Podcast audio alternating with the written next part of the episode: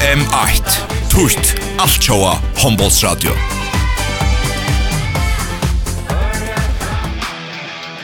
Hombolsradio FM8 er sendur i samstarve vi Faro Agency og Vestpak Og idrotteren av FM8 er sendur i samstarve vi Movi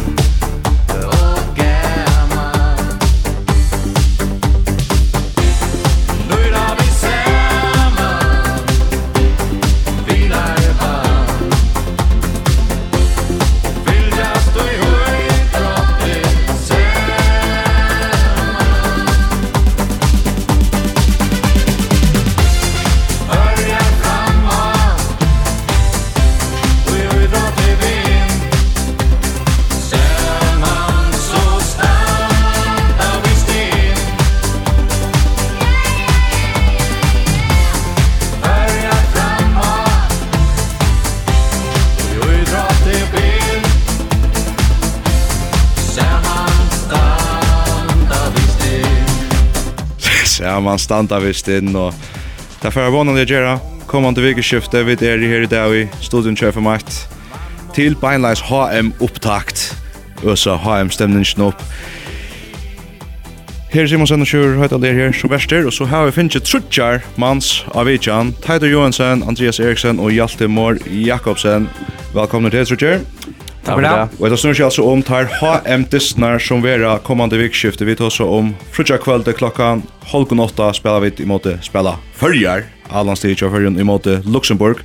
Så gjerne leir kvölde klokkan halvgon åtta er det i måte Italia. Italia og så sånne kveld klokkan 6 er det mot Lettland. Så kunne lukka skøyde på at ta verd eisen leir kvöld, leir dagen klokkan 2, at Hajan Fisk kvinner spela settene i Rova Cup Dischas her i måte Neisa ur Nis og i Serbia. Og etter dessa sendingsna fra ut eisen, jeg fylgja tog distan nir i Serbia, han fyrir gong klokkan holgon 6 og i kvöld. Så vi tar nekka kom jokne, men vi tar snøna tryggva sending. Kan säga att att det finns ju HM-stemningen tajtar Hva kvart hur hur stämningen nu boja man en löt ett la Ja, så jag vill säga det att det är för inte uppe att att det upplever ha en handboll ena vi garna börjar. Det här ger ju inte men men är hållet det fint att man att man hittar sin dropp och och kanske sett or uh, för ska lustaren uh, jag syns inte nog att kvart det är som är på spel och och, och för förra är det ju Champions störst att kunna spela sig till alltså vi spelar också Jean den har montakappinga uh, men men det är ju öliga störst för sån handboll och och huxar vi om uh, tog igång gångterna som är i första handboll så det är ju inte minst spännande Andreas Eriksen, Champions Størst, her står Eisen her. Ja, det er kjempestørst, og jeg hadde sånn håndballtren er veldig større framgång som Teider sier, og Största ursliden som följer hej i alt så handboll ja, han tar boa ganska fra att här är kanske också störst vant och det går ju till som vi att våna. I allt det Maja som størst. kusse störst drömmer vi till kommande veckan. Ja, alltså det här är Teline som um, vi skulle vinna eller är vant till att vi um, skulle vinna en av de kommande åren om det akkurat är nu eller om det är om två eller fyra år, det vet jag inte men um, Men uh, hette til linjen vi skulle vinne nå, hvis vi skulle ha nære mål og komme til enda spill, så, så jeg er veldig spent på hans testene. Tætri i hårsbryt, til ta linjen, ta to sars hver li skulle standa for skåten til fyrjon, hva hoksa du ta, hoksa du gå med og Ja, det er alltid. Alltså så att det är liv vi känner rävla rävla näkt till. Eh men det är också liksom förr hur mycket ankt för men det är ju en och en utgåva som ett mynt inte vill vika. Alltså att det förskall in någon. En en en en till utgången av landslaget och Idé. Så jag allt det att att vånarna också skulle vara goda och drösen kämpa för mun när vi spelar hemma och och och allt annat lycka så halt jag vid öja färre efter att komma och göra ju som bort någon här här halt jag med våra mål. Det är snett vi fingar vita så från landslagsvänner vi tog jag pratade i november. Det var så jag visste det er ikke bare gå nu, han også ägst om nästa steg, nästa steg så framvis at man så kommer vi är här det lägger oss inte torskilt alltid, jeg har faktisk faktiskt inte trodde jag shit akkurat hvordan jeg omför etter at att nätta, jag tror en eit, 8, möjliga tvei, det går vi vende at til sätten tar jeg for att våta. Um, vi kan ta at han hoppen som vener nu og och till resten center lövet til at um, han skal prata snacka og som vi skilte til av landsvenner som er det først mye kvölde, men vi tar det helt kjøtt her som er i håpen og nå til 22 manns, 16 leikar kan spela kvann dysten, og så kan man skifta gjør tver utskiftningar til kvann dysten. Eh, Malmenner tar Tor Godsen, Paul Jakobsen og Nikolas Satchvel, så er det vinstrevenker Sjur Olsen, Robert Hansen og Leivor Mortensen. Høgre venker Niklas Selvig, Allan Norberg og Hakon Vest Ataion. Så igjen har vi Bakkar, Peder Krok, Filip Jøys, Trønder Mikkelsen, Paule Mittjon, Jonas Gunnarsson Djurus, Elias Ellesen av Kibagøtta, Kjerstan Johansen, Wilhelm Poulsen, Aji Eilsnes, og så strikleggerne Råkur, Akraløy, Peter Mitchelsson, Helge Hildarsson Høydal, Thais Hott, Rasmussen. Skulle vi lukka teka i jøkkenen denne her håpen halvt kjøtt? Eh, Bjørn tar alltid nekkar to saknara, Alinon? Ja, jeg saknar ikke Men gav en man rekva Dahl Kristiansen, um, som har utgivet er på, og jeg kjenner ikke akkurat sånn, um, han sagt nye, um, og, og Brantor, nevnte Brantor? Nei, han er ikke, nei, han, han skulle ikke vi veldig. Nei, jeg, jeg, han ikke ivlet, Nei, jeg var ikke til Protok. Han skulle Protok, ja. han skal jo være Jora Lakne, så det er først. Jeg forstår. Ja, men um, förutom det här så har jag inte gått tankar om något som, som um, som manglar. Jag tror att en otrolig god hopper och det är Vi ser det kvar affär men men det är sexta bästa hoppen vi när han det haft här och vi och så kämpar det att vara det till kommande år nu hopper blir bästa skär skär. Samt Andreas. Ja, helt sikkert. Jeg kom, kan ikke komme tanker om noe annet enn kanskje ligge Torbeir, uh, Brantur og Rekve som har vært senest. Og hette er, ja, hette er nok håper som vi kommer suttja. Så jeg innenfor det neste år, uh, eller tvei, og se om det kommer noen unger, unger kanskje opp på træet. Men uh, nei, hette er nok det som det beste som følger her å att på. Så skulle vi se at at her til nevna som de saknar Rekvi och Brandrest lägger klasser framöver nere och i Island. Eh, tar det starkrober? Ja, det har alltid varit kört med manglarna. Tar av nämnt för som har varit vi och och och det är Sean de Brock om om Olagan. Men i halv stad vad hoppar det stärskor och och det har det som förn är till att Paul Mitt och att en och onkel är ju vi för för för först för ordliga nu kring Lasley så det var spännande vad han kan. Han går skjuter väl det går för skapingen och i vetter så. Och spännande namn att säga att samma vi Hinon Trimon Onko uppe i Höjvög som som han är vant upp efter samma vi. Akkurat, vi husker vi kunne få upp tantar debutanter i spil, så det er ikke ønsken endelig utvidgen, og ønsken av slageren er garanter for at uh, slipper vi til nærgrandisten og um, Klant touch i morgen, ja. Klant touch i ver, men som skilda så är det orska korona, så man öliga vær, man bojer faktisk helt mycket där, vi har tagit Leo till til den första dysten, men vi får læra meira ta HSF og tøynda fund kan touch i morgen, og ta ser vi nice från her og FM8 eisne, så det kommer lusta vi her. Ehm, tar du hevur landsvänner en trupla uppgåva att skera ein hopa ner. Ja, det har man alltid. Det har hoppat två man så har en trupla uppgåva, men men är du ju men där mer att en en 12, 13, kanskje 14 lojkar i morda men faster så er det det sista två plåsningar kanske i vast. Altså, vi sørste at det här är då tror jag vi av bauen så og jo ju inte mer att en vanker kjøres det av hver men Her er fyra strikspillere vi. her skal han kjøres det av, og her er trutje Malmö vi her skal han kjøres det. av.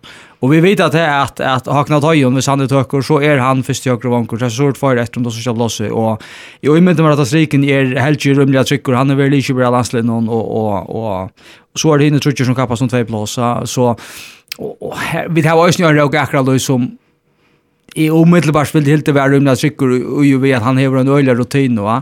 men, men man vet ikke, så det er ringt altså det er sørste plassen vi er øyla ringa manna det er det Andreas Klatus nu är det hvordan leikeren her nu nå tar tar har vant Nog landjes nu til så distnar og så får där, tar tar tar boje efter å få vite om tar vi eller inte.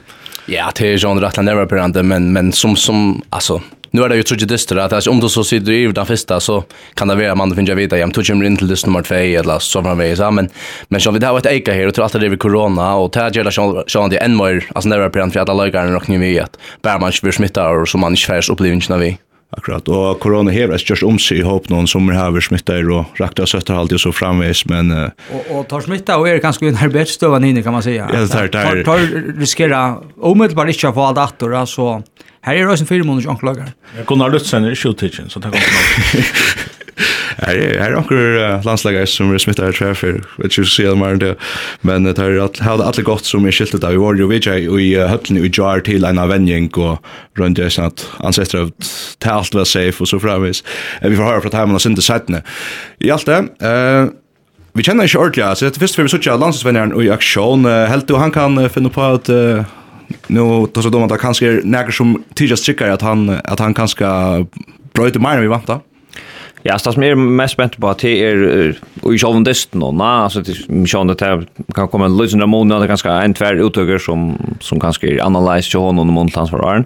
Men men sälja dysta gång det är jag vet att Ja, nu rönja får sin rönsa där vitan där bara inte vi vet att vänjaren till dem sen John Mickelsen och just öliga står framsteg ehm och och sån som Jonas och Kerstan som har varit klart första väl i all upp någon till sist i åren nu kommer det kanske några grejer som som bänkar på och en som vill luncha det otroligt gott i Ryssland men det är inte finns ju jag kan prata av landslinjerna så kanske är ser som som har vært bænt utanfor startstoppstillinjene, men som har bænt på i langer tøy og ikke finnes jo jøkken på. Det er veldig spent på hvordan han på som vi ryster. Jeg har spørt ikke om på reisene. Vant at det kunne vi kunne vi komme så tjokkurst og vant Andreas vil spørre. Ja, alltså till som Hjalte säger alltså som mycket vänjare så vill man kanske ofta sätta sitt egna lägga som präker på tinchne och han har och Sean säger alla tar lyssnar som Leo Spaldion såna och vi har flera unga spännande läggare av er som, som har just större framsteg så det är väl rätt avvärt att söka alltså gå så läggloden för att vara till att uh, allt han har lyckats så har Kerstan och, och Jonas varit öliga dominerande kan man säga och i allsparsen men såna så vet ju att Elias lyckas som kom in och kan man säga tog över och nu har vi så några unga läggare trätt som som kanske får en en, en större lägglod. Tar du tog fram en sluga, vi ser en fyrstan som är fast där. Eh alltså alltså jag jag vill drömliga. Nej alltså jag hade det mycket det som säger Johan jag GT shot det första som är fast men GT att landslagaren långt nu här var första i hötten att Timon som tar med okej här ser vi har sig vi ja. Men annars halt jag akkurat kapischen högra backplatsen i Rödlindsjö tog jag att vi det här var alltså Kerstan är väl Akkurat klart sikkast av kors høyre bakke, og kanskje vi supplerer ångte Peter Krog. Peter Krog er jo ute som vinstrebakker nå. Eh, og, og så har Villa vært inne omkring Leo, og faktisk ikke finnes så jøkken på det landslige. Noen har spalt ikke så vel byrjan, og ute som er til sørste ute, og sørste landslige var han börjar man att sig framsidan som man så knappt nu exploderar i Island ja. Så han är garanterad en som som ordliga är börjar bänka på alla startplats eh. Och så är det kapis av vänstra vanje som är halvjer ölen Det är halvjer det sjutje som sjutje öl eller andra och så spår ni kvar han väl alla första sjöner ja. Sammaste intressant det. Och vi känner det ju alla som profiler och förskapare så där vi hemma. Så så det det var roligt spännande kvar som jag vinner att ta kapinchen. Eh, men en hooks jag hade det var typ Andreas Hjalte som var här i studion tar vi ganska högt den dist eller var det bara andra att ta vi så Willem skora ett mål här vi ganska inte att säga han sån ek och så knappt jag här finns ju alltså dunderskott och jag minns jag vet liksom Lena efter så oj så så eh minst Andreas? Ja jag hade hade nämligen varit där jag minns som Hjalte var rösten men men jo alltså Willem han häver otroliga goa, alltså nekka goa enlökar. Att han har bara lyckats om att finna sig plats av landslinjen och lyckas finna sig till rattet. Så jag tror att nekka deras lökaren tar här kanske en rättliga trycka en löjklot av sin, av sin klubblige. Lyckas man kommer in att landslige och ska finna sig plats och man har kanske inte lyckas stora, lyckas länkan snår ta. Men, men inte ni om man vill dem hur tidigt öljande fram. Det så jag snarare det har alltid vi kan kanskje vende sinte mer att till leikeren själv. Jag har att vi kanske vi ska höra från landslagsvenneren selv, och jag kan så bara si på beina veien at om de till vänta på klokere på hvordan han tigger ut, så, så vil det ikke. det er vel ikke en egen. Landslig er akkurat livet av venja, vi er her leier der, og der har vi helt fruttet deg når en dystren imot Luxemburg er. Der enda vi er innan um, vendingar vendinger dyste, hver god tendringa, og jeg har finnst jo åri av Førska landsinsvenjaren Peter Bredstorff Larsen. Peter Bredstorff Larsen, hvordan uh, I har været samlet allerede i, i nogle dage nu, og I har en lille uge til, til det går løs. Uh, hvordan, uh, hvordan er stemningen lige nu? Jamen, den er rigtig god. Vi har jo lige haft en uh, fin uh, intern træningskamp, uh, hvor vi har fået lejlighed til at afprøve nogle af de ting, vi har har gået og arbejdet med til træning, og også øh, som vi tog med os her fra særlig samling i november.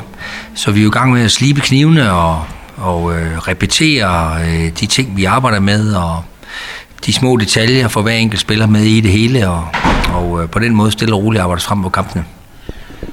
Vi talte nemlig sammen, øh, sammen dengang i november, der sagde, sagde du, at forhåbningerne var gode. Er de stadig det? Ja, det synes jeg, de er. Øh, vi glæder os jo meget til at, at skulle spille de her tre kampe. Øh, det er jo en enestående mulighed at spille sådan tre VM-kvalkampe i Torshavn, så Det er jo en lille smule uvirkeligt, og synes jeg er en kæmpe, en, en, en, en kæmpe ting, at det, der skal ske næste weekend. Så vi går væk, det glæder os. Det bliver også dine første rigtige kampe som landstræner. Er du spændt på, hvor, hvor, hvordan det bliver i turneringen i forhold til, hvordan det har været til træning? Nej, jo, jo, selvfølgelig er vi da spændte, også fordi vi, øh, vi jo ikke rigtig har nogen kampe sammen her i øh, lang tid, så vi ved jo ikke helt, hvor vi står, men øh, men jeg er meget optimistisk og tror jeg på, at vi kommer til at, at, at lave tre gode præstationer og håber også, at det kan række til tre gode resultater.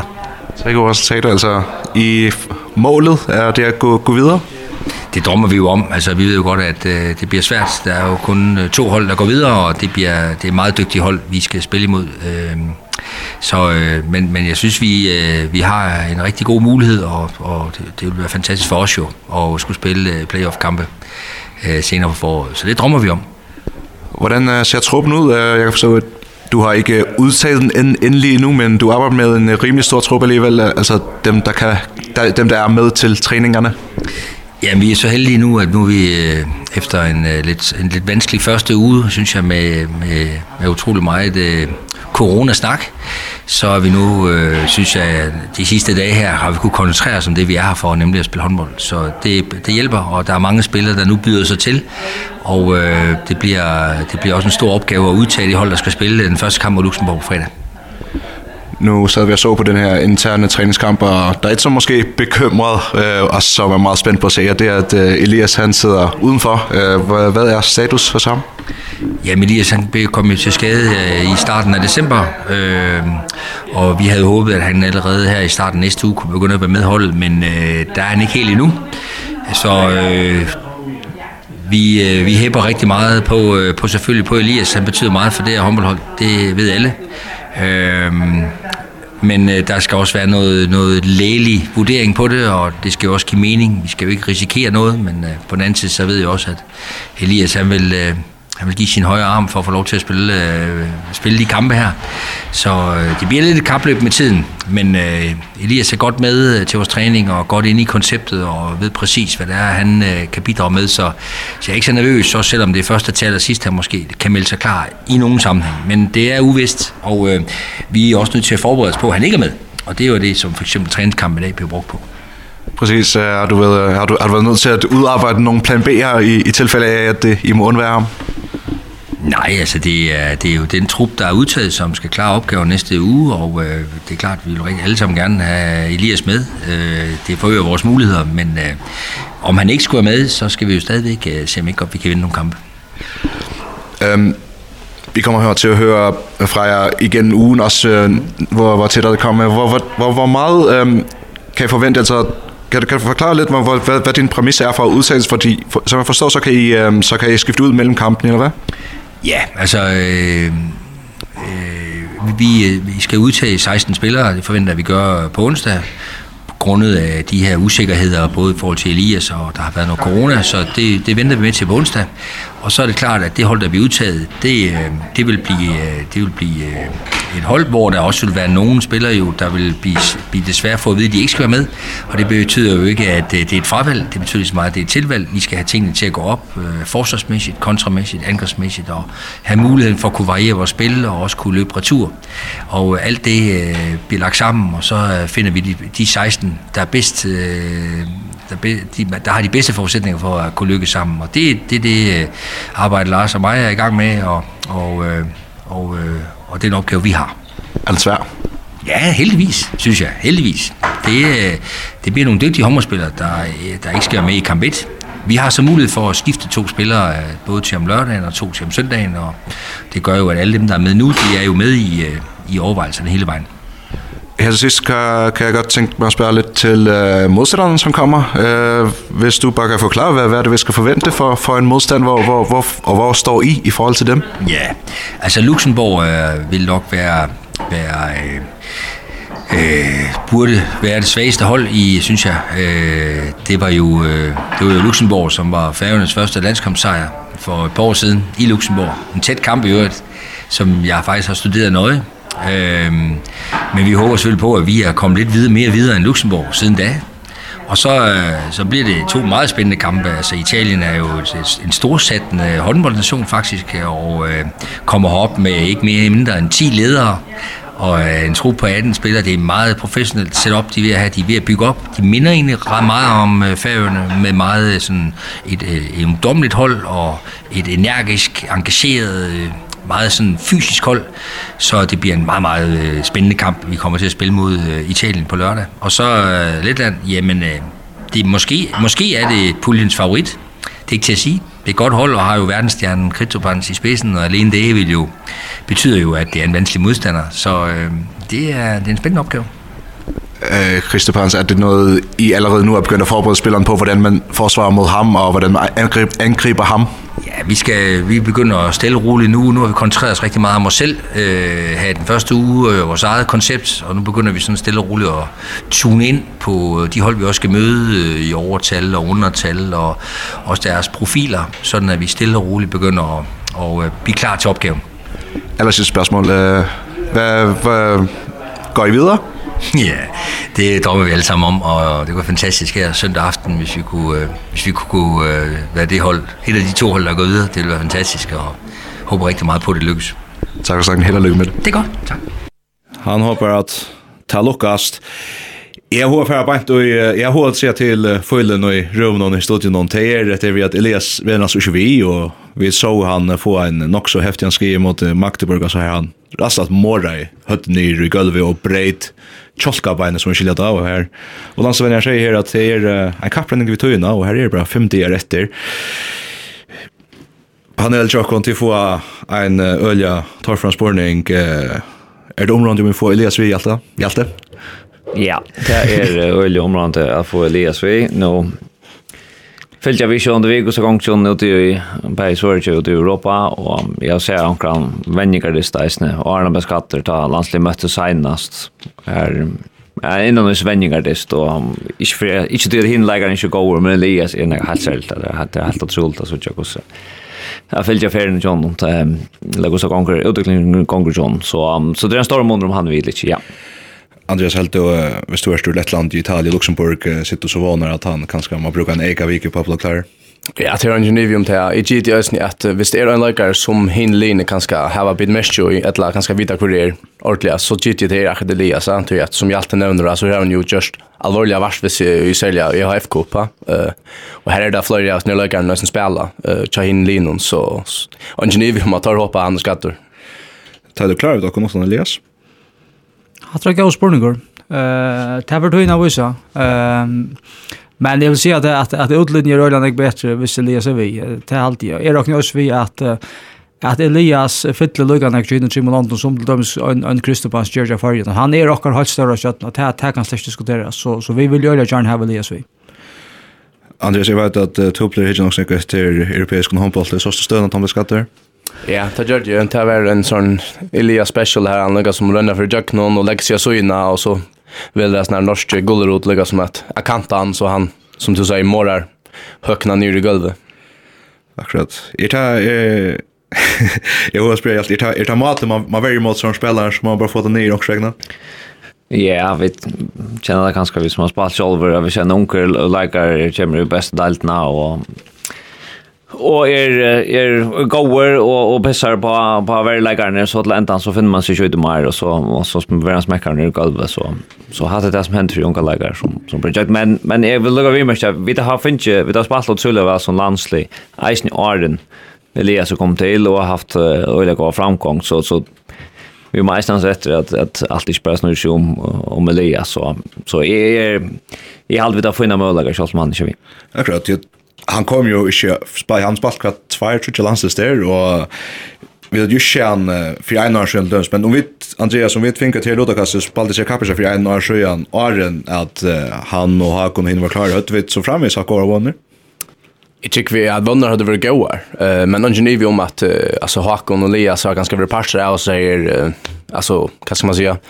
framgångna som landslig över under att det ganska nöjmynd och patea men alltså vi tar som Luxemburg och Italia och och Lettland alltså det är liksom förra har mött förr och har haft okej okay, lite möter kanske undan till Italia som kanske vi har tagit som sen sötne men men jo alltså jag tycker så som som uh, tar bara sen säga alltså vänner är goar nog om man säger om Elias så vet det inte allt annat lika så är hans toppnivå och en större orsak till att förra kan eller kan färra vinna så dessnar. Ja, Det er vår som oppgjort tja unga Elias. Vi pratar faktisk vi Elias i Jar Eisne og spurte han ena mest om just disse støvna. La dere høre hvordan han gredde å komme fra til. Her er sånne landsesvenskene leier deg igjen, og så til hvis vi råkner høtten om 60 år til den første disten sitter Elias Ellesen av skibagøte. og i klævån, ikke i vendingarklævån. Elias, hvordan er støvna til her nå? hon är uh, okej. Okay. Nu uh, är Björk klar i ett ordligt och sånt så det till framgång till dejligt. Ja, om uh, folk lust efter stråk podden on Chamar Helga så pratar vi om det som tog spalt mot Magdeburg. Fick han rättligt här av Wiffer. Ganska bra hälsa från vad hände? Eh, hoppade jag joggen vägen och fick så en skump. En och en annan och fick så en skump på träd och så lente jag högen Chamar. Och så skannade vi den här dagen och så förstod jag att hon var brotten. Så högan brotte. Ja. Eller tjocka, tjocka beinet och högan. Tror att trofé ett och allt. Ja, det är det racing och super och så vart det några veckor. Hur ser um, hur ser som nu vannar nu är det ja 60 elna första disten eh spänt om därför ett nästa att bli klar. Ja. Eh det är sen drinkt att säga Gustav han är eh jag vet inte det är sen 50-50 vill jag säga men 50-50. Mest du at uh, folk i fyrjon är sin spänt på om akkurat to först att klara att blå liver eller om Chaska ikke er noe største å spille? Uh, det er faktisk spyr om det. ja, det er nek som spyr om det, ja, men... Uh, ja, nu var det så sitte. Jag hoppas att jeg kan spela. Hva antar du av som kommer annars, uh, Måste og tykker jeg chanser? Uh, nei, altså vi vet Italia er gott liv.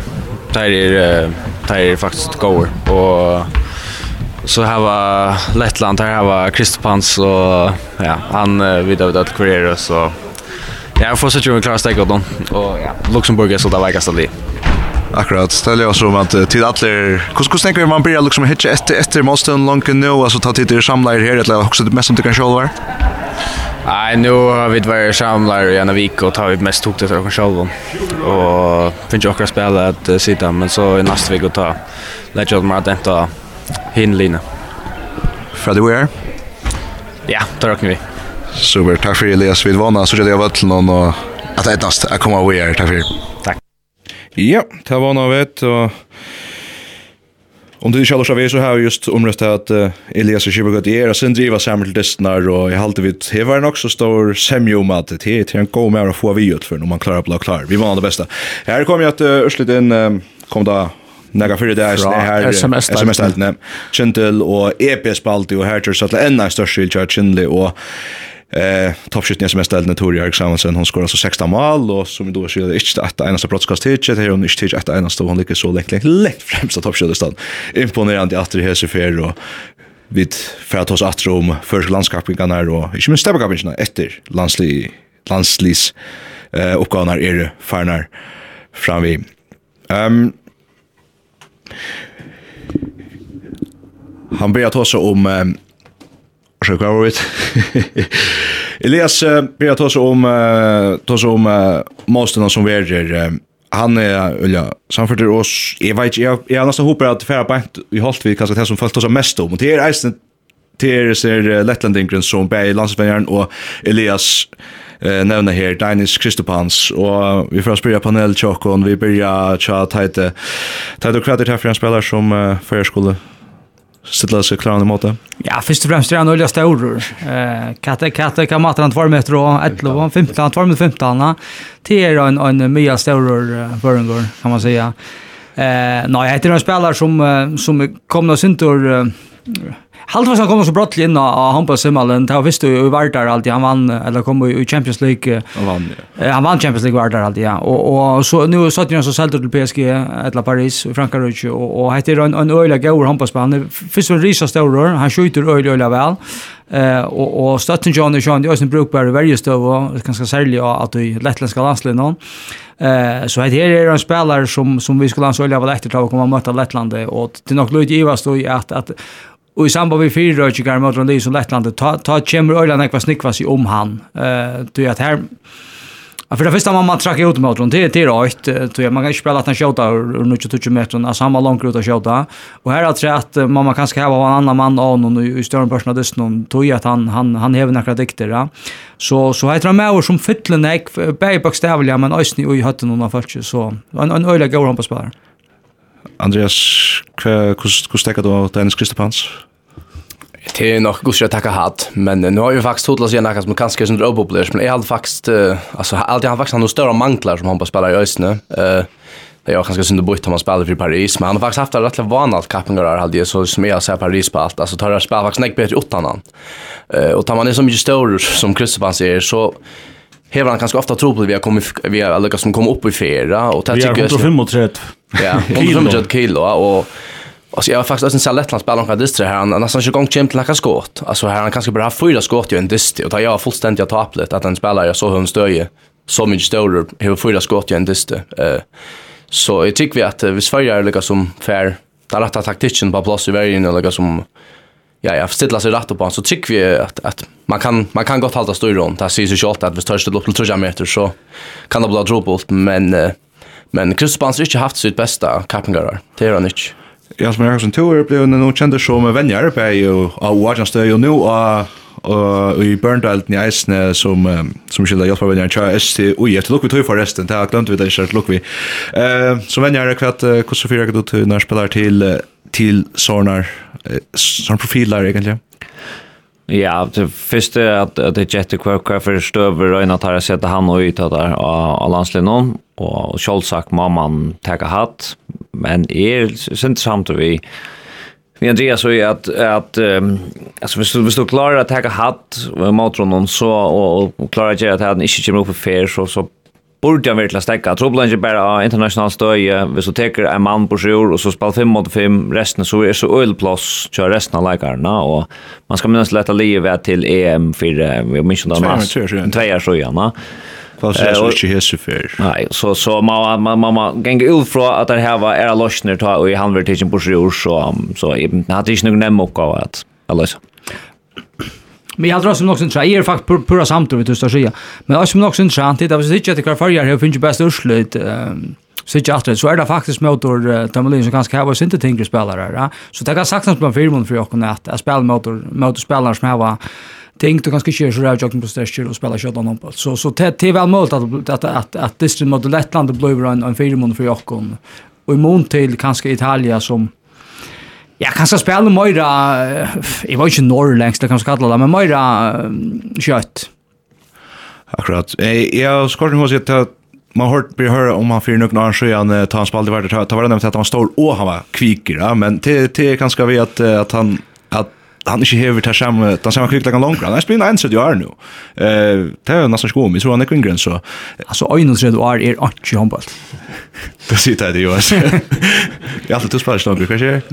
Nei, um, altså, han... Jeg minns ikke når, når han har vunnet Final Four, altså Champions League, um, jeg mener 18 og 19, Og jeg råkner vi han er den eneste leikeren som hever gjør størsta mån i en semifinale og finale, man som helst til det om det, og i, og i en Champions League Final Four her han, um, han spalte trus minutter i verju og all opp, tja en vartarli som var i fortjellin troblagen ta, så, så altså, ta stoppstøy som han heier ta av er, var helt utroligt, men, men så igjen ta her han faktisk, uh, ja, her er ikke, han er ikke eksplosiv langer, så jeg, jeg vet ikke hva det kan hente, men... Kanskje, jeg skifter ikke hans PSG, kanskje ikke hans så vel? Nei, her, her er okkurs, men han, han er ikke uh, toppstøy John ikke det samme som var for 25 år siden. Jo, for at til hoppen tjokken, Teitur, nå først oppgavene til en leikar som får oppgaven at stekka, stekka Kristofans hver, hver det, hver er leieren tjokken i verden.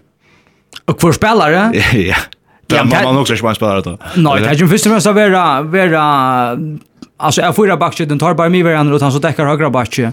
Det kan det kunde bli en ekvim spelare och ta vara där för till För jag skiftar när vi ut och tar så till till Öland Ek för så kommer stanna vid Aberdeen. Eh alltså kommer andra spelare så utgångsstöj jag Kristoffer är Sean vänsterbacka men Nej, orsaka. Ja, ja, högerback. Ja, ja, jag vänt ju över. Det är ju också vänsterbackar i varje och och och mig varandra. Och det kunde bli öra när jag spelar. Jag var ju faktiskt ordentligt med hot till att det kan näkra fram om näkran annan. Alltså, mig var kommer att vara öra viktig i samband vid, vid krusspel och, och, och plåtskifter och sådana kan ta inte in i vår. Och annars är det spelare som täcker vänstra backe.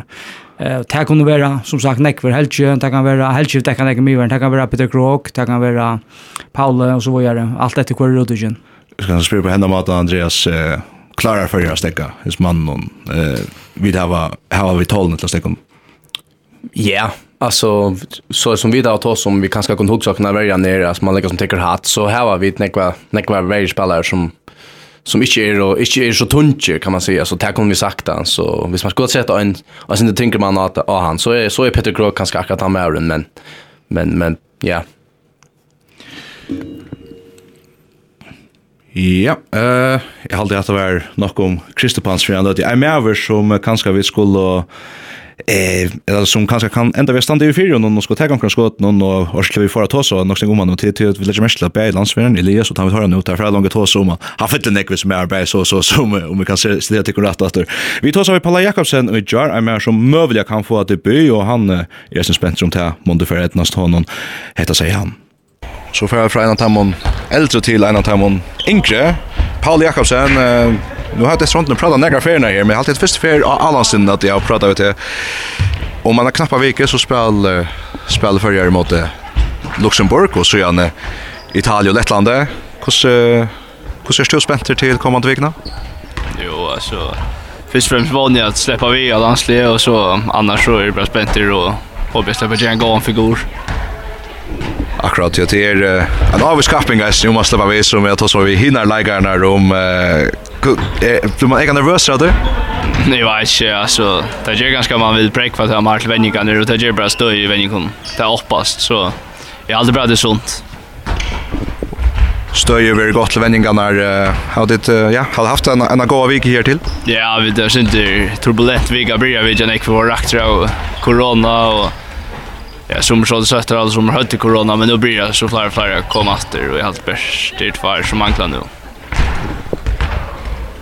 kvart ehm För jag också tog att du först för första vet okej nu nu vill du kalla runt till alla alla slee och vänja och så nu kanske debuten tatt på av så man tog prova nästa runda långt i Europa Cup allt det som så vi tar prata för eh en en värre som som du ska röka. Eh ja, det är det här 60 det lunch och jag är ett lat där och ska så så slash vi aktuell länge till att man spalt i alla landslinjen. Så nu då är aktuell så vanligt att släppa komma vi och ge en goal figur. Akkurat som vi där prata om här till Kaffgården och hur gånger vi vi Ötland. Ja, allt är gång väl. Det viktigaste vi gör är att komma få skydd på foten som är och det vi finns ordentligt så ja nu nu spelar det pura frukt så det är en nog stylig känsla.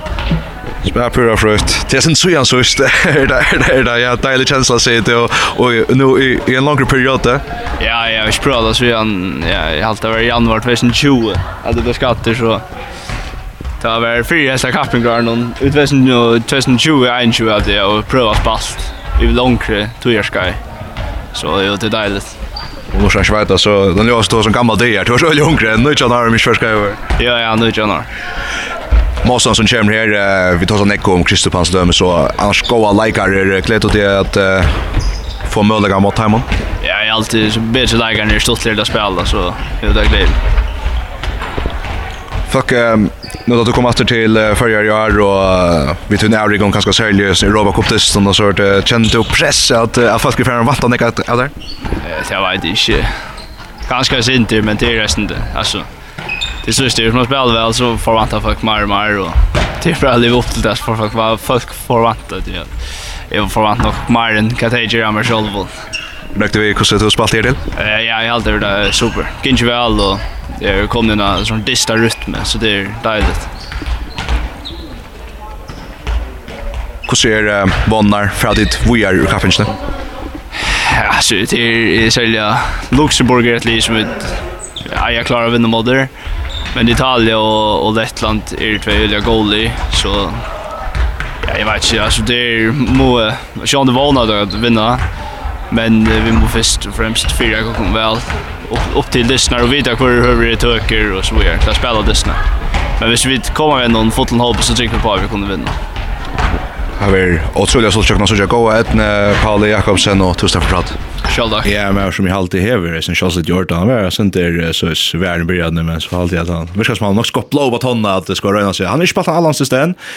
Eh Vi da sitter faktisk her inne og til det begynner til døms Hagom Vesta Teigen og så var vi til høttene jeg og Hjalte minnes det til det begynner til Elias Kibbe det heter ganske den han tre av to Hjatle inn som vi gleder oss av sindre at Sucha, tja la meg blir hest med en Hjalte kvart jeg med som vi kunne vant av ferd til by. Han sier han er klar og han første ferie så han var 16 eller så så var han ikke der var skavn Ja, jeg vant ja faktisk. Han var tidsen framom, selv om Torre er over Jeg heldur at høgstøy så så vant jeg på jag tror faktiskt bara att det spårning runt och han vill fest malmar. Ehm jag kunde också man får nog kött av landen Um, um, men men det toppstöje som han häver är er otroligt högt till KF mäster till dem så i kallar för för i år tar han faktiskt otroligt och och lofta en ekonom bulten så så han är öle väl fisk och och jag vant jag för det på och och är öle spänt på så kan komma in.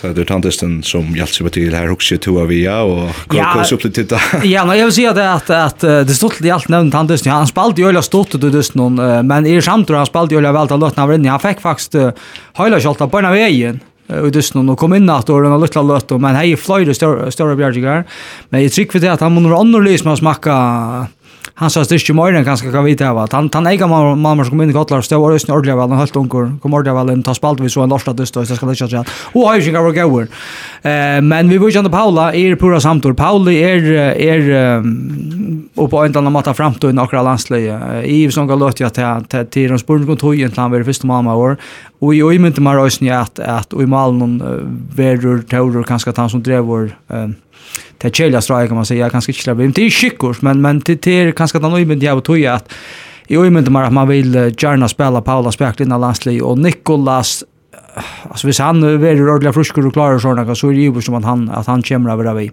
Så Pauli är, är öliga spännande och en, en extremt god mamma och pura samt och allt att, att, att han ska gärna färra åtta land som tjötast. Andreas, tog pura samt, Nei, slett inte. Jag også vidt å säga vi Paula till dömes där jag innan för spelade sin Europa Cup det möter norska linan att han hever det her toppnivå i tar et alvorlig stämmer bra. Lika som det verkar som om han för att äga girt han spiller europeiskt vi där sett vi i sån imsk og försk och olandslinjen och vi såg där östnär hade hållt er han bare fullständigt alltså till åren til vill det si här vi kanske säga att det är innan för här. Han är inte lagt at det er helt öliga stöje men lika som har är det är där av skavon självande men men knappt när det dysten och helt hålls så han bara fullständigt täcker den norska Lia Bolja och till sjönde kanske ska man hoppar på att han till dem kan göra ta han kämra landslig. Akkurat ju så landsvänner kanske säga att han dysten och också okej han här vill gärna ha vi allt det. Ja, ja, jeg minns 16 han dessen her, han, og, og hvis vi vet av senere reisene, han spalte ungdomslandslinjen, Markus er utrolig høy støy, han, helt, han hever omkring X-faktor, ja, som, som han halar fram, ta det er, ta det er mest nøyut, så i halde jeg som videre samtrepa, han var gjerne fra landen på en av vei, just av ontan han spiller mot hon.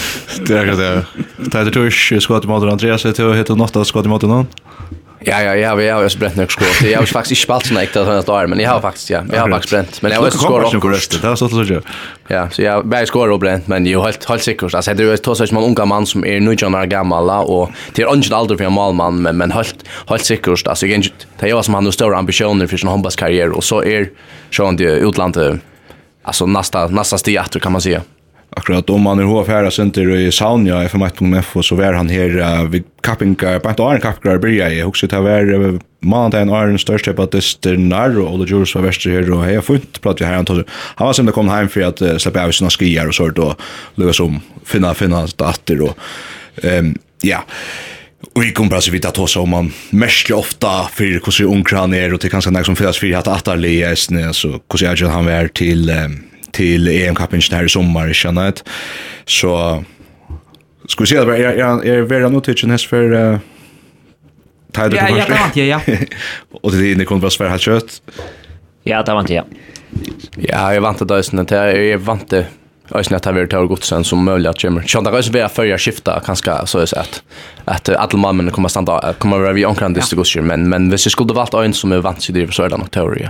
Akkurat. Jag har tagit sånt fatter och i te attor när vi tar som hopen i Janne till att man kan skifta och skifta tvärfärnar ures när större hopp någon och te är och en stor mövel like ice nu mot man spelar tror jag tatt att det är Uh, Andreas, hvordan nek vant du, hvordan nek vann du at, at landsvenner fyrir at skifte ut? Eh väl og väl man kjenner, hvis man har 16 løkere och och og man brukar de flesta av tajmon tar klara klare väl så, så är det kanske inte nej ut, men... Uh, Men jag alltid så osäker nu men men alltså är är, är vant att att det kommer över några skiftningar. Det räknar vi att man lägger som nu hör man alltså det är två läggare som vänjer vi och vi halta at støy rymla jant mittel til som kan venk non og uh, bæja vinsa og Gerain eka og høgra ta sama við ta fyra strikspellar og så framvis så er er blir rattle overraskar hvis ikkje det var onkra skiftningar mittel dysnar. Akkurat, da vi uh, tog håp, det var liksom, her er ødel for en ett plass for nek og hver en plass som, som man kan vanta av er skår ni, som, som tid jo eisen søtt. Og, um, fyra månader vet så spela hemma att det att att uh, och när man kan ha hoppen samman här och och skifta. Ja, det är en kämpe för månader spela hemma och det är inte bara ut i samband med hopen samman det er första raskvarar det är det att man är hemma på och är tatt vi allt som man känner är ösnen fyra månader. Ehm Alltså är halt det bara bara filmen vi spelar för om eh Hutlen, ich minns av filmen då känner Hutlen och hon är kanske lösen smalare än en uh, utländsk spelare Van Så är öland acting som täljer till filmen så förjar i samband med att kapis ner förjen. Det är alltid det är näka som i hopp kommer att ge det sista procenten till till förskapen. Uh, och inte minst Askvarner. Alltså jag var ju snäcka att släppa här. Det är säkert bara 100. Eh jag jag sportade ju jar här Lucas Munch som vi så jag lukar an vad det nu är. Jag kan mest så han är lukas så. Kanske man sett hon tror i mig stå så då blir vi 400 och såna kan. Det ganska vi då skott. Men jag var inte det låg, men under allom så lukar mycket gosse fire till Nick Ross så är det fem månader spel för Akkurat det är inte jag vet inte om det näka andra landsliv är som ska prata så nek om heimavöll kvar för man inte släpper det inte spela det spela heimavöll det är så att sån som vi det sans i Arne och så heter vi vet att hon håller sig för till till mila produkter som vi kraft kraft och tog spelar man och till ungdom också vi och till släpper man och till släpper man inte allt det där. Men ehm ehm i allt det två över runt och spalt Stefan Andersson och Anna och i hötten i Holsjas det är jag får ju hötta spela handboll då. Ja, hon har gått stämning. Ja, hon har tjuda men han var galva som kommer här och Oscar plus nu. Han har tjuda dalja tror jag vann vi får snacka om Oscar som som kör lätt och vi har inte haft så några alltså handbollsfärger är Nu snackar vi inte om spänt vid det. Jag håller tror att folk förrän som är spänt på alla landsliga och som hungrar efter att, att släppa sådana där själva och hemma vet jag fotlar i höll. Så jag vann att, att det här var möjligt för det. Andreas, eh, Jag var för att till varre till to bäge jag gav nu nu var så skatte men to var passa en hoppe så spalt ju öliga tensar om kulisson i första hallen och då är språk vi mer kör eh vi hade ju i här en affär vi och gå alla som är där och så nu tar som är touchar nu att allt jag hoppas att ta som en om till ta det första till Balkan och Montenegro till så vara så trust men vi funkar så vi var att här är att trust som kan komma en affärskar i höll och och räkna vana på att att att vi får så att det här vikskiftet. Ja, och vi om det. Jeg hadde nemlig at du var ganske sinter omtaler, man ganske mangla onkra, jeg vet ikke, alltså det som man får der er ganske utfatt å ta seg selv om til dems høyviksaskvar her som... Ja, jeg tror jeg för og jeg stod för jeg som vi så, det var altså. Min var rundt enn, og jeg hadde ikke noen angst for at jeg. Ja, nå visste jeg ikke om kanske också også hjemme, så var sikna og sirena som fikk nekka omtale, men men men men jeg hadde nemlig det, man ganske mangla synter där her, altså ta landslig hos spalt til dems med Russland og Tjekkia og Tjeckien och den så Tjekkia og kanske en ordentlig og Tjekkia liksom Tjekkia og här i shown här go stämningar men men inte det här äggförsliga trusse som tog till dem så om som det nere i Balkan och som möjliga har en förskunnar kommer uppleva det att ha varit sådär. Men uh, tack kunde kanske också man som fick Jeg vet ikke på en eller annen måte organisere akkurat vi, det er jo, vi har jo disse personene i førjen som, som uh, Gusser kunne vise deg ta i ta ditt egna liv som spiller, så, og førjer er jo liv i Jokon Øtlund, så det er, det er veldig øyelig stått litt hvis man liksom kunne finne en sånn ordentlig ordentlig stemning till dömst ena hjörnet kanskje som hever att lära sig som stand og hoppa eller ett eller annet sort. Det har det gjort vi skansan och tar samla av fotbollsåskådare ur Ötlund Färjön och i skansan. Och handbollen manglar kanske centra att hitta jämt landslag. Här och så är det att är på. Vi kör ofta spela hem och ta det värst då så corona så där är det trubblar. Men vi vann av Oliver och vi vet att några går vinner oss han runt hästen att få kostopilla här. Eh Tæt er kom också om att det for för sig från tecken mot Tim Klaxvik. Det var det kaffär det är og hon var inte fullt anhöll, men her var en öjlig enkel så det er också rätt nice man kan finna inspiration där. Ja, vi där faktiskt finns ju fjärpar väl gott lafra. Eh og ja faktisk ja. Jag var ju inte det första fjärpar vel jag på. Det er ju så klart det officiella vel. väl. Jag var ju inte som tar sett några stånd där men det tar det er några grunddranger som jag var Tidsi saman og, og møtas til omkran dyst, og då kallas vi den reie muren, og det var en øyelig larmur i høtlen til dyst en Klagsvig, og, og vi, vi måtte faktisk, og i løpet av dyst fortelle dem at vi var jo av, og så skulle der lukka slappe av, og hinn var jo av, og så skulle de alltid bare køyra, og, men tidsi frukt at øyren høtte det ikke veldig godt av dysten, det, det var en øyelig larmur. Jeg er ikke akkurat fyra gammel til dyst nu, så her måtte jeg pilla vi paneller, for jeg var jo tjokkna rikket av søtter fra. Reie muren, det er jo smak fra kalda krøynon, teit. Ja, ja. Vi er jo sindur, Jeg vil ikke kommunistisk Skottland, men øyelig sosialistisk, ja, så vi vet vi vet hettlet han veien.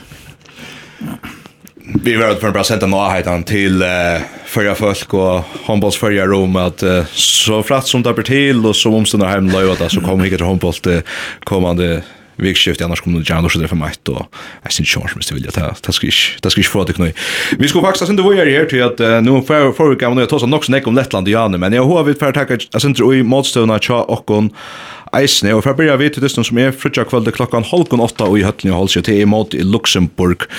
Uh, for jeg spalte imot Luxemburg jeg spalte mot dem rævlig ofta, og vi spalte imot Luxemburg fyrir just 5 år sjøen, og ta blei utan ta blei han, ja, 24-22, eller 26-24, han dissen enda, ja? 24-22. Og han, han dissen var sånn, han fyrst i HM under kapitalismen, så fyrir nærkant i vunnet, gammel til vi er i man han vunnet i CHM, og så framveis. Um, Vi vann ju en och av Luxemburg til CHM under Jan Fors. Yes. Nästan så att det minns det. Ta var jo og ta var Luxemburg 8 13 touch og vi kom upp på 18 13. Vi skulle til 8 mål. Ja annars helt enig stolt i Eva var og Mila i Øljanek og skriver en rikvi og sier fra til dysten og Jeg mest i at uh, førsleggen var sindre ånøkt at han har vikna. Ter, for det første tar tapt igjen til som Slovakia, den fire som tar et jasra vunne, og kanskje ikke vunne man samfunnet mot Luxemburg. Men Luxemburg, her var det her hilser vi er bedre enn føringen. Eist 18 disten, her tar vi der var sjukhus og framvis, og en av sli, Øtlin Lin bor i en hotell her alt for tjefoint, og så at Luxemburg som bor sin egen hotell, at vi bruker skal ta sindre time og ta tui, der tapte søtt der. Så der har han av revansje.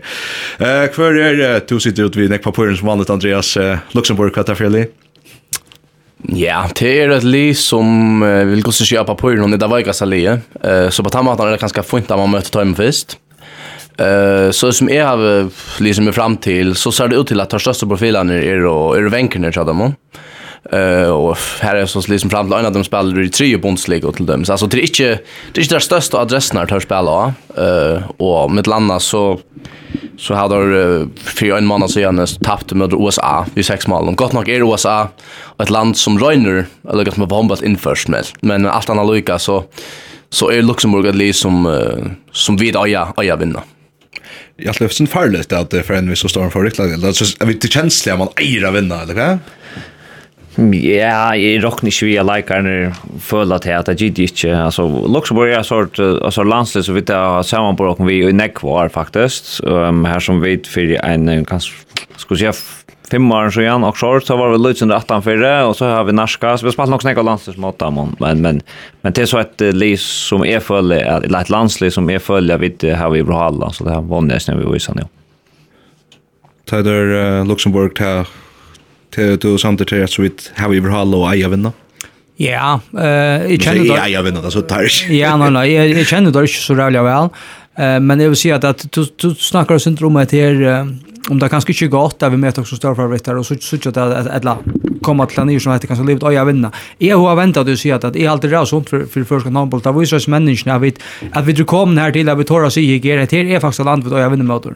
Eh jag har det att vi så öliga väl kvar det det där och och och det var ju så att spelaren inte nökter vi att att komma till lands mot mot Luxemburg och skulle vinna. Det är ju chans på att vi är färra vinna, men men tant känslan att man att man ösnar mentalt över flots till att kunna täcka en favoritlag då så hon röda gå allt ja så ja ja är alltid att liv vid vid omedelbart skulle vinna ja det alltid. Det var spännande. Vår som press till lägger. Nej, det var lätt. Det var klockan halv åtta att han distanserar sig från FM 1 og TV opptakt og ta heila ta vi mer kunde komme til å. Annars skulle lukka med noe eis, at i morgon vi har en tunda fond där Lansi har tunda fond klokken tutsi. Här center FM 1 beinleis fra tøy tøynda fond någon. Här och så om ditt på etterreisene, kanskje om kranfra for en Norsta, så er det klokkan halvgån, seks i kveld, så får jeg vite at Hendra Sjansbyr stod til noen, så får jeg vite at sitte og hitje etter uh, Heimvers som spiller mot en nice anni, så her er vonnar hamplige gåar, mer om til å sette Vi talte sinde fast vi har en prat noen, og vi får at uh, hitje fram i framtøyna, leier kveld til klokkan halvgån 8 i høtten i halse, Italia. Vi har hørt jo landsvenjeren sier, Jeg spurte, han han hei ikke nekka seg om Italia, enn at her høtti et øyla størst set-up Andreas Kratt, hva vant du av Italia?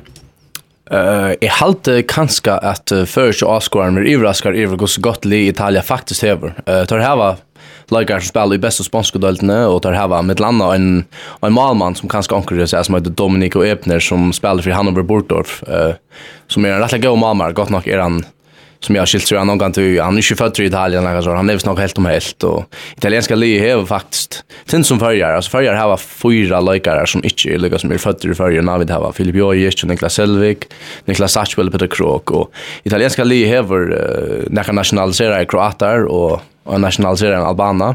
Så och tar det här ösnen rymliga ordentlig och satsa framåt och lägga som sen som förjar kanske. Och så jag vill säga ja alltså Italia är faktiskt stött av funtlig och tar han med landa vunne Lettland vid 11 mål. Eh vi tar tar var Lettland och och Italien var ju bäst samman eh till det där var det EM undan kapningarna som börjar kanske var vi tar över mot kvarnörna vann ju inte mot kvarnörna men men Italien är av funtlig och ja det satsar att det satsa rymna näck på handboll i Italien.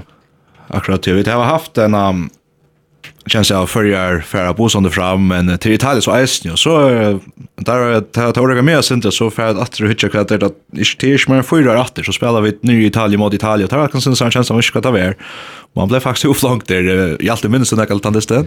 Ja, jag halte han av Taimon, Nu vet jag akkurat hvordan jeg er vi från fra tog, det är ganska helten, sen man helten som stadig er via landstiden. Ja, hans här dysten sitter sen du djupt och i Taimon. Jag har det här sen dysten, och dysten, och så tar han så vidt høyt motor Kypern och Grekland. Ja, det er her skulle år långt att lägga det. Men jag vet att sälja i Italia-dysten, det är en som vi faktiskt stilla, som landstiden flora, och till vi var utrolig ringer til han dysten, Och jag håper jeg vi visa at vi vi inte fettla ner och så lågt som som vi gör det. Jag minns det i vi skulle det 28 20 28 28 akkurat. Jag fann fram på att jag nu sen chatta du mista borsta tältet. Det händer ofta. Jag tror kanske inte värsta granska akkurat som det ut ut i stan. Att att Eric som inte gör det värre, ja. Ja, og det er så ganske overraskt ut, det spalt ut eisen. Jeg mener vi spalt ut trutja dyst innanfor nok så stått tøyerska, jeg kan da passe hans dysten være nummer trøy, Ja. Jeg halte jeg vann nummer trøy, ja. Og, og, og, og vi, ja, og vi fotler og trulja, altså, Jeg synes samme støva som det er nu, jeg tror ikke at dysten har forstått at det er nega vi skal vende jokken vi til det man gjør av landslig ofta, og så er jeg meint at han sier dysten, og Vi tar nog inte sparst på kraften så som skulle det vi vi fått det från när den satt något ordentligt. Det var bara 13 touch och och i vi tar på satt något vi ska åtta mål och så så. Akkurat. Så det är det är en en skräckkolla. Ja, ja. Känner jag kan nog så väl som uh, kom hem med ett av er. Jag måste bo där det och ta så igen alltid. För det? Jag vet, jag kan fast landsplats nu, det är spets. Så han är han är redaktör av tråk.fo så vill jag här nej så här är sånt väl att det här är nog sen upptäckt jag vändning. Eh är minns eller väl ta försöna till att ta jag skulle lära mig att skriva och så brukte jag sen det som jag stod i Fort Luxemburg så så brukte jag som firmen att sånt där att här skulle vara bokar i Bolzano Bolzano var där nere var på den största spalt just här det var men Vi tar som hopen, og så tar jeg om at nu har jeg prøvd at nekra ferienar, ja? da har jeg ikke prøvd så ofta, så røntenar er jeg byrja komme okkur til gåvar til Ja, 100%. Jeg vil si at, at, at, at en annan større mån av någon idé och og i mån til ta, er også at vi tar en brøyere hjelp. Vi tar større måløkker for å skifte ut. Vi tar flere løkker som kunne avlasta, man kan si, akkurat stjøttner, at tar som spelar nekv. og, og tar spelarna som kommer inn og avlasta, er også spelare vi vi øyla øyla høvun kvalitet så så er så ikke at først det som jeg tror flott sjølan jeg men i vi setter noen løs at Italia flott så tid her som som som vi tar og og eh så jag tror att Halsiker lever i landsaken för det och och att det som alltså det är väl Halsiker här och det här är inte Ivo men i halt i att att Akkara för sig att alla för ner neck bättre än där var det för ja bara för man så igen alltså vi tar så jävla neck flyger går hon på spelare så så det här blir väl spännande är det spänt till till Italien Hva tipper du? Gå og spyr med leierdegen. Jeg, jeg vil øyla gjerne sutja dysna frutja den Øysen Arlen. Det er avon græs rena ikon tinkun. Hver lagar er tøtjer. Korona kjem til å spela nekra løyklod. Ikke bare ikke okkom med Øysen og linnon. Her er øyla nekver faktorer i løtene som spelen. Tyvärr er alt for nekver. Vi halte det øyelig kjeilet, men, men til hever nekka sija. Altså, det er Øysen kan sija om Elias vil vi eller ikke, ikke vil vi ja. Så jeg, jeg tår ikke øyelig sija nekka enn, men jeg har sagt at jeg tippet det er farger endar topp 2. Det säger bara vägen alltid. Akkurat, det passar. Ja. Ehm till vill jag känna boja till vad vi att med allt för någon vi får ju så tjej Italia eh där finns det distet. Jag hoppas kanske så bra spelat det kunde Rätt fylgjan, hon är kanske också gagnlig för Jokkneisen, Luxemburg, så Italien, så Lettland, Andreas. Ja, alltså Gussier som jag nämnde i Arjen så hade Gussier Luxemburg appa på ju så utlar vara väga salie. Eh så är jag synd riva om alltså Lettland joar av Moira till till dem så att det var vid EM 20 eh men som jag säger så vi sitter här innan nu så uppgörna mellan mellan Lettland och Italien så är Italien alltså synd det bättre tar August vunne Tamoir alltså näckna hemma vet ja. Eh men det är sån som tajt säger alltså vi vet att simpelt inte går ju vi alltså här är sån vi tar till dem nu är ju EM ända spel och här är corona i öllen hopp och och ser Line här så spelaren är ju som Kresson som som är likare alltså till öliga ringta med om men jag vill säga ja som du säger att Luxemburg är öliga är öliga glad för att möta Luxemburg först. Ta ta vill säga. Så det är med Italien lätt att precis vi släpper så att Italien spelar mot Kvarnörna och ta ta allt är öliga gaggligt. Akkurat. Det var något liksom att ta allt sen står skjuts fram långt för kvällen så lära vi något om det på vägen. Ja, jeg tykker vi tar den fyrir hvis vi tar den sier at vi vinner mot, mot Luxemburg, så skulle vi aller helst bare vinne mot en av hinnom linnom fyrir at för jag kommer vilja ja och så kan det också så som corona fällt näck och och vi kanske kör vant så väl som vi vi kunde är vi satsa på att ena dysten då så jag så släppa så jag Berlin och välja kanske ta vikar visst då vi spelar så små vikar så kan det vara vi du spara spara krafter till dysten nummer 2 ja vet vi det har ta mål kan vi att vinna mot Luxemburg bredvid Men det var ju förresten med skolan när man låg på. Ja, ja, ja, ja. No. jag vet, vi, vi var... Vi snackade hypotetiskt. Vi var vid, uh, hade ju, det var, uh, det var för Luxemburg, det var modellit, det var knuste sånt där som Slovakia det var så irriterande dyster tatt jag en mål men kände man var bättre och som Luxemburg här man var värst irriterad att man inte fann några samförande minst alltså vi som åkte i allt så det var man man man man mätte sig starkare än det så är är är är får på något chans att det är benchen ehm vi får vara till Lettland så vi var neckvin ju så vi kan kanske Tackar där. Alltså det shot där. Här är en stor profil där men kunde den annan Andreas. Ja, ja, ja, så var det tar tar tar han kan gå lägga resten. Det ser ju självt och det är onkan det gott. Alltså Angeli i Humble kan vinna vi bara en gå lägga. Att ta tar blir släkt till oss. Eh så ju tar hava, tar hava för jag gå lägga resten. Det hava där. Eh med landa här där en malman som som faktiskt har vart där ösne, men som är läser fram till så så har han Mölle Elias som spalt med honom. Han han flott han spelar för någon nästa bästa i Sverige nu så alltså det var inte den största adressen här helt men men jo jo Lettland har funnit lite. har jag haft Jag tycker att det är kanske lätt att köta det rymligt rymligt generationsskiftet till flera av de största profilen av dem är och kommer ut rätt vinna. Så till alla största när rätta samman spalt landsligt här tar vant ju det och jo jo för jag ska spela upp till sig bästa för att vinna Det här rockning vi. Andreas du spalt med Lettland för. Ja, det har vi. Det var en god oppleving. Vi det var i til langt 6,5 år siden. Det var det var... Det var med han Archalaisen var i 2015. Ja, Emerging Nations Cup i 2015. Ta, ta vunnet vi finalen av 24-24 i Montaimun. Og det var, jeg minnes nemlig at altså, det var livet, altså, Ikke vi var iverraskere å vinne, men det var faktisk litt som vi vant av, og at det var astrobolt, men... Så vi bare vet, høyde av ståren høyre Ja, ja det høyde av, jeg minns, jeg vet ikke hvor jeg hadde kanskje vært sånn prat, men han var nemlig ikke vi, men, men som jeg som jag säger så är det flera av de lökarna faktiskt av landslinjen än. Uh, med landa en som heter Nils Kreuzberg som spelade faktiskt mest vonkor ta men faktiskt blev en av stora profiler av vänstra backen till dem som är vi nu. Uh, så men men men alltså Men som sagt Lettland är ju kommit in i det här sällskapet som följer Jana Vila. Tar har ju vi till EM gott nog ända där attast. Tar ända 24 24, tar ända attast sund bulge och alla helst vi inga smalare försök. Men Men det var tar tar kom runt om de gottna som som följer gärna vill. Alltså det är ett land som följer alltså vill mäta sig gärna vi, ja. Eh och ett land som vi vill vara bättre än. Så jag hade att det är en upplagd möjlighet att att visa man kanske kom fram om. Jag alltid när jag läser att Nej, jag hade inte men men det är en landslag som det är fler i höst landslag någon som akkurat kommer till till EM ehm um, som vi gärna vill ja i Halla eller vi vill gå som och och hatt det ganska liksom prekva här visst du har ena stjärna och det ganska nocka så at hvis du snackar men vi känner bara ena linje här på inte men det kan vara nock och vi ser ganska Elias vi rockar och och på sikt så är det samma så tar så akkurat så är det inte kanske så öle länkla det eller det är enda spillet som är väldigt helt otroligt.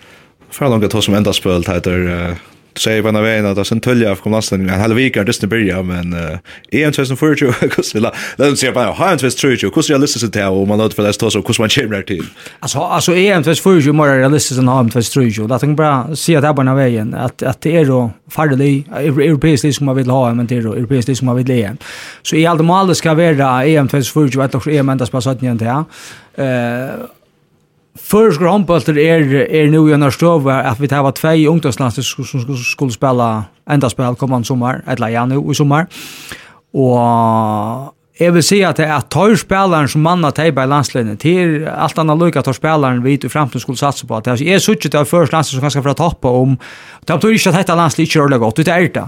Men vi snakker ganske om først landslinjen som toppar om, om 5-6-6 år, og, og hvis människan helt fram. Det hoppas jag att de får agera. Men så halt jag så snack med Lasse som gärna ska ha kvalificerat till ända ett enda spel Iron Fate som tror vi att de.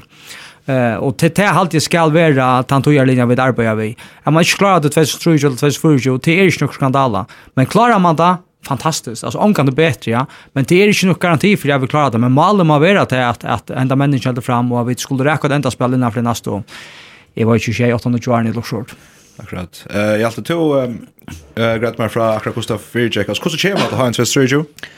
Ja, utan det är 100% säker så ska man komma vidare kväll, komma vidare och så menar jag att möter uh, spelar ut ju hemma mot en ur ur hinnom bulten till flera som bara bulten Um, och vinner och ta så ska du möta Tamo Bestelin i Europa. Jag menar det är bara två tre europeiska lag som är beinleis. Uh, kommer beinlös att ha. Man antar att vi kunde riskera att möta Frägland eller norra eller så för att och skulle vinna sammanlagt ut i hemma så jag vill säga till nästan och Jörlta kommer vi till HM där.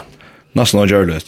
Och så låta kast i allvarliga för att rocka låta. Ja, jag jag menar det sitting går i isen till den första vägen för att alltså man kommer möta en topplig. Ja, man kommer 100 procent möta en topplig. Jag har alltid det tatt på Jörlta kommer till HM. Men men men till EM är det sån här liksom vi möter nu som vi skulle vinna mot så så Hette fyrreiking til, til det som kommer ballongskikk. Akkurat. Eh, lång långt ett sätt så börjar man också om um, tar man en affär antingen kommer till HM eller rögrutor kappingen så får man också om en förtju. Och till er syndra liklar år nu börjar ta oss med långsikt men det var en sån vision tvist om förtju vi tar oss och näck vi folk eh, från Homma samt att det är ju hur så gånger akkurat vi tog ju tog linje va. Det är en rappen nu Andreas men tar det ska så ses att det blir rätta väldigt ofta att här sig det är ju människor som kommer ta ska man kunna spela vi om där och och säkert så kort han höjer det nog spela Andreas. Ja, det gör hon alltså vi tar så ju att om att Lettland och Lys som vi vantar vi möjligen kunde vinna som var vi i 2020 och här kommer ju Lettland Negv land vid till EM så i halte alltså Jag hade jag hade ju slett i rövstra och realistiskt att att att att vi kommer vid till EM 2020. Är det någon skandal alltså vi inte klarar det? Nej. Men alltså men vi såg ju väl snä att vi tar att Lemselias alltså spelarna här va hackar hackar ambitioner ja? och vi skulle alltså minnas illa nästan alla dessa läkarna spelar faktiskt inte slash i förska delten ja så ta vis ösn jag stöj är blivit till hackre. och alltså vi har ja ja vi har några helt få läkare som som som spelar i förska delten och vi har med landa alltså Archie Elsen spelar i näst bästa delten i Tyskland och är Men vi har en fulltida professionell. Ja, och vi har Elias som spelar i Sövehof, spelar i FK och vi har en Rikva Lögren i Naspestöden i Danmark. Vi har med landa Robert Hansen som man han säger lite klart lite upp i bästa dölten. Ja, vi har, ja, nu glömde jag inte Hakon, Västertöjen som spelar i bästa dölten. Alltså, det blir att, det blir allvarliga Lujas nökron och ja, ja, alltså EM 40 och halvt år. Det er, det är en, en realistisk möjlighet.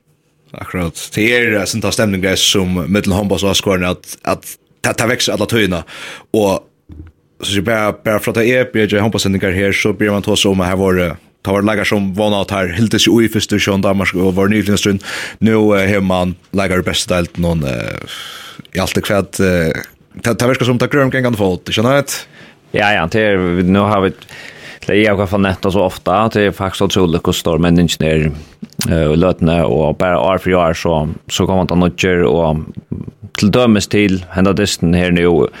Jag vet att Paul Mitton är tatt på Birner Oppstillingsna, och Elias är helt säkert inne vid han och og Hakon Birner, og vi snackar med Paul, är tatt på, så alltså tar ju som kommer in där är kan något chans år gamla något några gamla så förandra och och och långt som något några gamla här där står att bli inne i alla landslinjen och slå sån är som spelar i nästa i Danmark och bästa i Island och från Vesa så så jag jag har alltid att mitt är öl optimister här på inte där men men men jag har alltid en orsak till det. Jeg har tåsa sindri om og kanska, vet du, jeg er ferdig med Atletoon, tun, kan ni fyrir Roker Akraløy, han Kvar kvar ska sätta match när han kommer till 124 eller ska komma till 130. Ta vi ta i mötet så blir det nettopp att snacka om att han jag vet att han är en dröm och och det är isen för Roker har Hinge ui atlas jo arne eisen ta landslis som håndballtren ikkje hevur vere. um, så er Jeg vågne at og han han har jo klar helt klart støy til å være vi en til rundt nivå til og jeg vågne at henger han henger jo nære for et enda spill til vi og så stolt sånn akkurat vi pratar vi Rogue Akra Lloyd Jar och allt det så det pratar vi till det synd att här är kanske tar runt nu och tar är smart 56 år men här är en rocker och vi hade trönt för helt helt stort så jag nästan eh den hör vad han säger Her har vi dess finnes fætter i veteranen Roger Akraløy, er med som er spalt i måte Luxemburg fyrk og Lettland fyrk og Italia fyrk och så det har vi alltså inte rätta vinna och han vinn. Roger om uh, en knappa vecka så ska för spela mot uh, Luxemburg den första testen och sen Italien och Lettland. Hur ser stämningen nu i hopp någon? Stämningen är uh, förnöjd. Det är väl inte vi karantän och så det blir vi och men nu blir att man ska vara vi och att det glädje kom gott ändå under köra så så vi tar vara goda vanor. Gå vanor Det er bare da leit tvei år siden at uh, jeg pratet med Theo Hynar i Luxemburg uh, etter tannsiren. uh, så gav hon kanskje særlig mot Luxemburg? Ja, vi møtte Taimon Fist som uh, er minst, eller som lette halvtid programmera, og ja, vi vunnet med senast spalt mot Taimon, uh, ters, vi er nok så jaun nu, hadde vi spalt vunnet vi tvei måneder, eller tvei måneder, eller tvei måneder, eller tvei måneder, eller tvei måneder, eller tvei måneder, ehm sin feature ganska och jag hade aldrig jag fått lockon och som sagt senast vunnit mot dem och ta hoppas jag vi gör. Kjenner jeg av oss optimisme rundt han om bæg fra Asgård, og tikk og leikaren og vennjaren og alt. En ta mest optimistiske håperen du over jo i utynar landstidsleir? Ja, altså så er som så som det visste det senast åren er jo blevet bedre og bedre og nå blir resultatene eller utslitene jeg kommer eisene og her vi fylker optimismen alltid. Så det är naturligt. Akkurat, det är först för det är sannar så är ta vikna att det så spalt i mode Tjekkia och Ryssland. Hur hur minns man det än att det liksom lagt borster? Ja, jeg var så skattet til Disney, måte, så jeg minns det veldig vel. Jeg satt uh, nyrre og, og hukte uh, og var glaver, og den løyen kjensla der måtte man tjekke eisene, men, uh, men vi tar eisene after samla, vi er sammen i, i november, så Så jo jo, vi tar vi tar hit atter og och och sagt god dag och få några ting på plats nu så stämmer det vi har kvar. Ehm så Ja. Det står så en annan som inte vet att så nu claim man så öliga next till och så att röna att släppa ut i past eller så. Jag är nog always um dyster om plossen eller så att det ska skiftas så sönder ut och så framme så ta ta får det ju vita för för hur hur är det här mån till jag säger det att till det en passion även Lee and Hope men så kapacitet plus. Ja, men det är det är bara sånt man säger. Alltså så att vi det Neckmans eh en plats här och så är det som möjligt att skifta ut med listnar. Ehm vi där ikke alle med det ut for, for leikerne vi er hen til det snar, og alle har funnet, så därför var det ikke så neste vike, kostar det og om det er skift ut mittelen, mittelen der trygge lyssnar där ser man hinne lignende gjerreisen, her var alltid man vi, og det har väl inte varit kanske ekonomier till ganska för men men nu sett upp i att han för landslig kom här en stöj är det lätt att göra så det är så då till att till till och det här i Höllne Halse glädje Jag men gläs glömmer den ek. Det spurningen hur tänker jag ska över om man släpper och och så vidare. Så när man jo man gläs det gör man. Vi tar som Luxemburg, tror jeg som spalt mot Lettland og Italia, for hvordan minst du tar det? Ja, eh spann mot Italien, kan det ha varit 2018 eller så rätt. Eh nere i Italien. Ehm det var rätt vi var offer nu hos hos hos där slita hött. Vi finner faktiskt en ordland omgäng som som minns. Du tappade min Jeg minns ikke det var noen bra hva sier, mer enn vi til Atla. Um, tar spalt opp mot uh, halvt Ukraina ute i Bæsjen som så har kommer vi komma med och vi nu va. Så det är nog spännande så tycker jag kus kus vi samt med detaljer men vad när är det helt först att att vi är att att skifta det här till så att det kostar för ett Lettland här är som sagt en är det som minns sen själver att det är smär en det var en emerging nations cup som vi alltid vinna minns du det? Ja. Fittan alltid. Ja, det var så länge sedan. Eh ja, i halt det var en semifinal lockshort och där hade såna där Juggenbrösterskar mans minns jag. Ehm hade vinner vi en fem mål. Ehm var det finala kanske? Det var finala, ja, det var finala verkst. För för ja, nu tar man tar man spalta till stöjen och när så imaginations kappingarna så var det. Ehm det hade gått li man hörde ta isnet där man gled onkran eh Nu har det så en en nöd. Han var svit alltså. Han är nog mer för unker då isen, ja ja. Han är nog så unker kanske bara. Jo, halt han är eh jag ska se han. Jo, han han han är han är helt gammal öl för. Eh där är Kristofans alltså och en mer som han helt lagt med nick Mesh till och kör så framme. Hur snack fyllt här alltså som man kan att man ska välja för honom och ja, jag släpper på. Ja, alltså han är en det som inte uh, känner han, han är en 5 meter, vad är han, 15 lockshore där vi är vi är nästan rätt och kraftiga och för oss vis kviker mot till stöttna eh är en toppspelare internationellt. Eh, han har haft ett outjust ett fokuspunkt. Vi har inte ordentligt vi inne på hur vi gör det. Ehm och hur vi tacklar han. Ehm men det är nog inte nog något att ta. Man är ju finna på finna på ankar alltså. Akkurat. Jag ser sen nu tar sig om Heimskjötner och Lias så immun till att det imagination så vart det kom öliga längt. Tover vi så jag hos i alla vägen alltså upp och ner upp att det hur ser det upplevt här att hur kände månad och månad stämningen i hopen eller så. Ja, alltså det blir mer eh, professionellt och uh, att det här var uh, hackre förväntningar för in till där vi en någon alltså det var Nick var likar utomlands spela professionellt eller sen professionellt TV det är ju för att det är några enkelt resten är nästan vi i förjon eh Eh, vi snackar tror vi har snackat spela, då när spela i förrän men men det är att att mig låt ner åt att att ta mesh man eh och i hur män färra inte uppgång eh till vänjing och fyrraging artist och hur system han på står som vad de allt det taktiska och rennebanor och så vidare. Ja, jeg synes spela til det virker som tid er ulla landet samla i SFR, altså tver heila viker. Jeg kan sende langere enn vanlig, og godt. Ja, det er det har alltid hever det kommer så vissa sig men jag tyckte det var en fyra månader.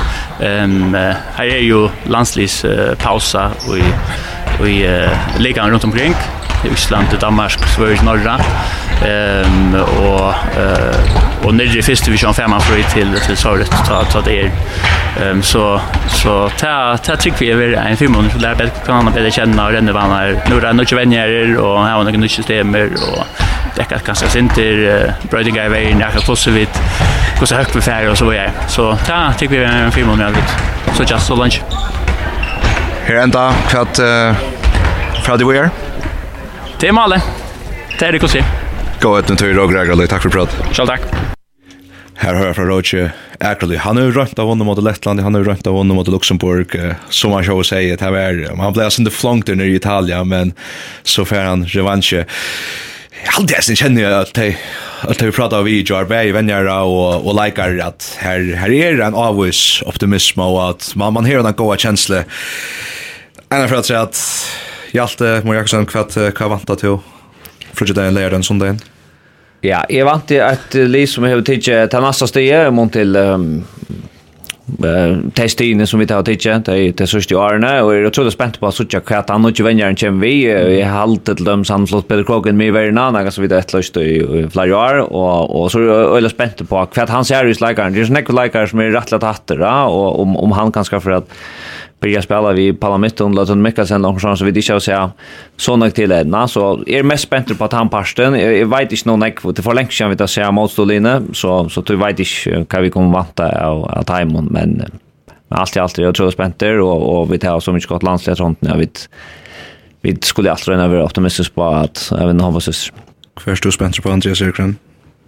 Ja, er som som jag alltid är snär. Jag blir väldigt spänd att söka alltså spelstilen jag förska linjen nu och vi är nutchen vänner. Alltså kan vi tänka väl väl man kan köra alltså mot till spelöppningar eller systemer och ja ja alltså kan vi like loader är så spelaren här han nu. Titta är nästan allt och brötingar vad stäv är nutchen vänner chamber alltså kvar för en större like load kvar för en mindre like load. Det är väldigt spännande och ja så huxar jag snär mot till det alltså vi Nu tappade vi Ukraina, vi är normalt i förrjon vi vann och Tjeckia Och så ja, hade vi det kanske mindre grann som Ryssland men ta livet ganska om man för Hinneberg. Ja, men här ser linjen på Polen är det vajkar.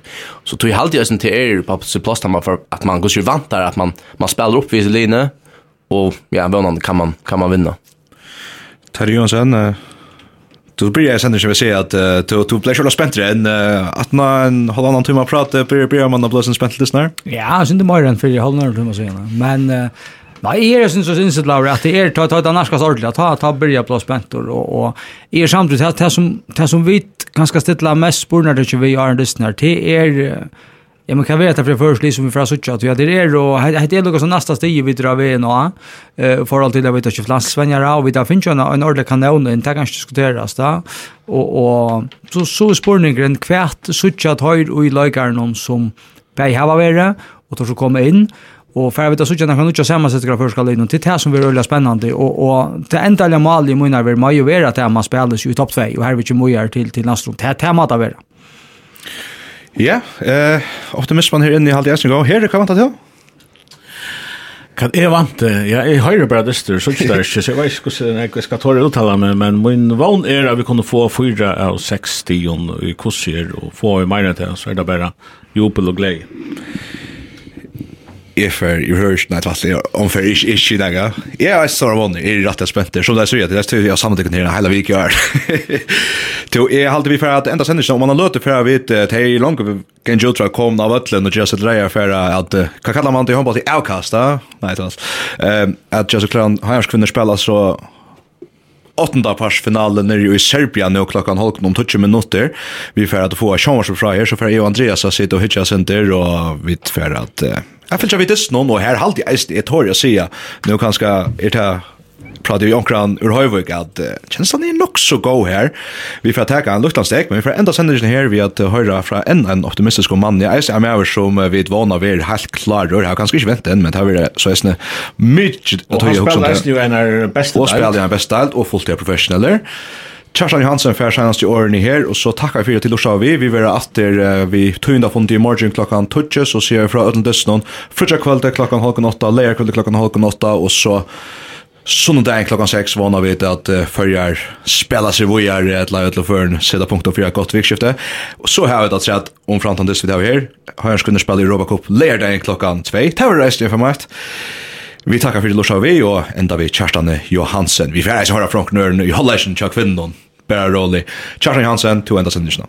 Kjartan Johansen, er eisne, er eisne veri her og spaltar innan hos vendingartøsten. Jeg har at spyrir nega som jeg har spurt hinnar om at det var en avvist hensring av kapping og plassene. Hvordan merker du det? Ja, sådan var det alltid da vi, da vi spelar innan det största så var det allt sådan här. Sverige ut har vi faktiskt kämpa för en plats eller som man ju gör. Det är som kapping och som intensitet, hvis man kan säga sådana. Det är samma natur det goer um, go vendingar hyror i Savikna. Ja, så jag just eh uh, det där spänt man. Det är en spännande uppgift framåt. Det är alltid en satsning det är nog så länge sedan alltså att uh, vi så var här och vunnit andra som hade Tjeckien och så just som också boja och stanna efter nästa uka då vi som inte är att så titta. Nej men det är det det var en liten eurofi man fick här och det är just det vi vi söker efter och lägger som glädje kom till att kunna skapa eh från bara understöd med att man kan fira på samma sätt som man gjort då.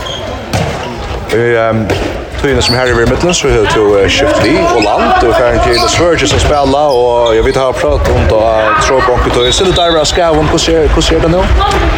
Ja, det ja, det är ju inte där här här är nästan ett troplag. Eh vi kroppen ju mer. eh jag alltid har funnit en rytm som ger att hålla till att synte eh jag klarar inte spela. Tror jag för trusch på tror jag det är som kommer nu men vånande klarar vi att få och som många samman kvar vi får med till att spänna några det som kan hjälpa till att vinna hösten. Akkurat, hvordan er det vann kjallar til, til kampen kappen? Nu har vi ju finnat att han var signa i sidan. Jag är ju finnat att checka, så nu och halvtid kanske det mer vi kus vid på eh dämpa vånar center vi dattlar ju alla vägen och skulle till VM och EM och allt det där.